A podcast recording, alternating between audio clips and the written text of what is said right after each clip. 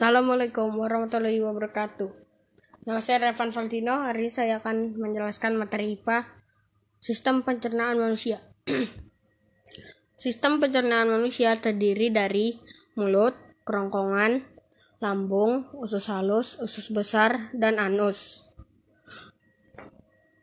Proses sistem pencernaan manusia pertama pasti melalui mulut.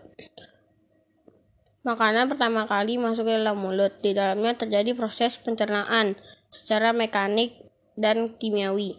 Untuk pencernaan mekanik dilakukan oleh gigi, sedangkan pencernaan kimiawi dibantu oleh beberapa enzim seperti petialin dan maltase. Da dari mulut kita lanjut ke kerongkongan. Setelah diproses melalui mulut, selanjutnya makanan menuju ke kerongkongan terlebih dahulu sebelum ke lambung. Dari kerongkongan makanan yang sudah dicernakan ke lambung.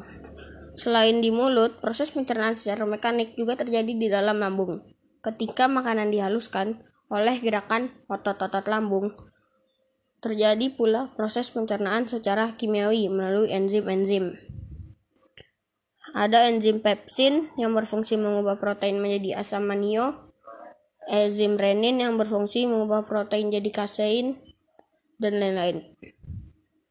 Dari lambung makanan yang sudah diproses men, dari lambung makanan yang sudah diproses di lambung menuju usus halus. Usus halus terdiri dari tiga bagian yaitu duodenum, jejunum, dan ileum.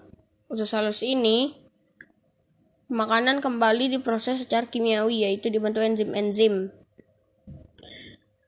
setelah nutrisi diserap oleh usus halus, sisa-sisa makanan mengalami pembusukan di dalam usus besar. Selain pembusukan, di dalam usus besar juga air diserap sehingga sisa-sisa makanan siap dibuang menjadi feses atau kotoran.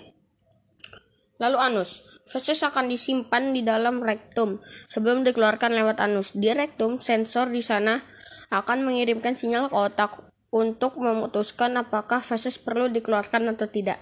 Setelah itu, feses yang siap dibuang akan dikeluarkan melalui anus. Sekian presentasi singkat tentang sistem pencernaan manusia dari saya. Wassalamualaikum warahmatullahi wabarakatuh.